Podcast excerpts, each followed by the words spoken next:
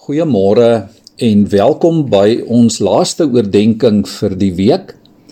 Ek wil veraloggend twee tye in ons Christelike kalender hanteer, naamlik Advent en Epifanie. Advent is die paar weke voor Kersfees en Epifanie is die tyd tussen Kersfees en die lydenstyd. Die bekende Dietrich Bonhoeffer het gesê: "Die viering van Advent is net moontlik vir mense wat hulle eie verwarring en swakheid en afhanklikheid besef en wat in afwagting uitsien na iets beter wat op pad is. En dit is presies wat adventtyd vir ons as Christene beteken. Die woord advent kom van die Latynse adventus wat 'n vertaling is van die Griekse woord parousia wat verwagting of afwagting beteken. Soos wat 'n swanger vrou uitsien na die geboorte van haar baba, so sien die kerk van Christus uit na sy geboorte en na sy wederkoms. Daar is in hierdie tyd 'n soort spanning tussen die feit dat Christus reeds gekom het, maar dat hy ook weer sal kom. Ons berei onsself voor om hom as verlosser in ons lewens te verwelkom. Ons gebed in hierdie tyd is Maranatha wat beteken kom tog gou Here.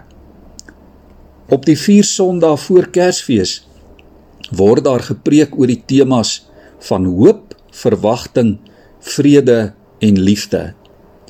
Ons Kersdagvieringe is natuurlik die hoogtepunt van hierdie besondere tyd van Advent in die kerklike jaar. Die prominente kleur in Advent is die kleur purper wat 'n baie skaars kleur in die antieke wêreld was en wat deur koninklikes bekostig kon word. Die dra van wit klere en die sing van liedere soos Gloria in excelsis was vir antieke Christene baie belangrik. Vir ons as moderne Christene is die sing van Kersliedere en die bywoon van Kersfees eredienste prominent. Ook die aansteek van 5 opeenvolgende kersse in 'n adventkrans in aanloop tot Kersdag. Die hou van 'n adventskalender help ons ook om die dae af te tel na Kersfees toe. En dit dra die boodskap van opgewondenheid en afwagting op die geboorte van ons verlosser. Natuurlik is die fokus in hierdie tyd op Jesus en sy koms na die wêreld. Epifanie is die tyd wat direk volg op Advent en op Kersfees en dit eindig op die verheerliking Sondag. In sommige westerse kerke is die hoogtepunt die Epifaniefees op die 6de Januarie.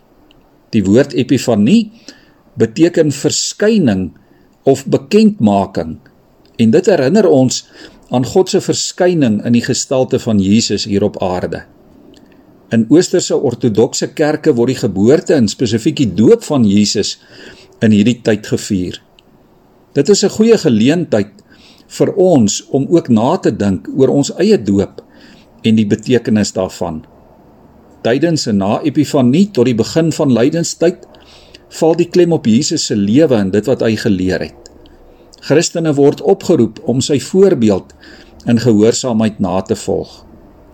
Epifanie word afgesluit met verheerliking Sondag wanneer Jesus se verheerliking op die berg herdenk word.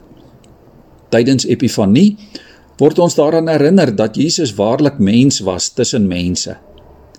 Die ster van Bethlehem is 'n belangrike simbool in hierdie tyd. 'n Simbool van hoop en lig in die duisternis.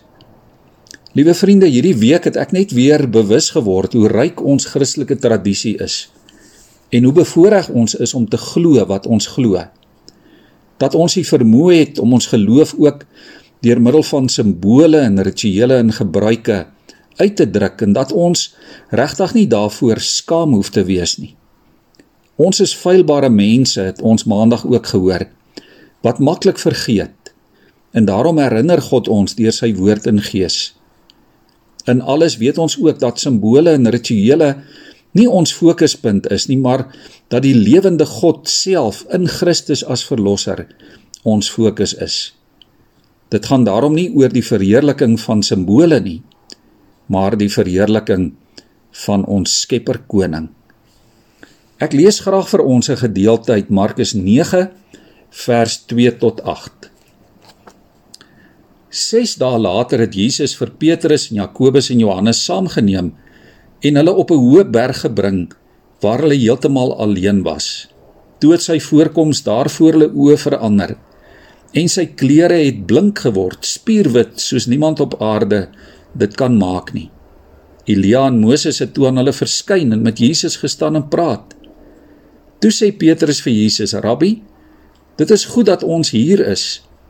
Laat ons drie hutte bou, een vir u, een vir Moses en een vir Elia." Hy het nie geweet wat hy sê nie. So verskrik was hy saam met die ander. Daar het toe 'n wolk gekom wat sy skaduwee oor hulle laat val het. En uit die wolke daar 'n stem gekom.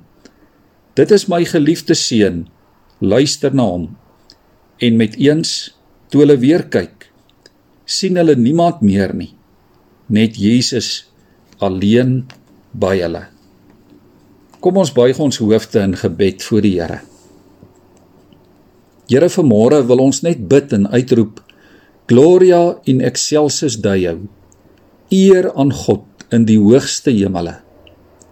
Here, U is waardig om vereer en aanbid en verheerlik te word. U is ons ewige liefdevolle Vader, in Christus ons verlosser en deur die Heilige Gees ons trooster en versorger en voorsiener. Dankie Here dat U ons waardig ag en ons toelaat om bly te wees oor U grootheid en om dit met vreugde te vier. Ons weet Here, ons skiet ver te kort. Ons weet ons geheue laat ons in die steek en help ons daarom om U verantwoordelik en getrou te dien. Ons gebed is vanmôre ook Maranatha. Kom tog gou na ons toe. Here Jesus. Amen.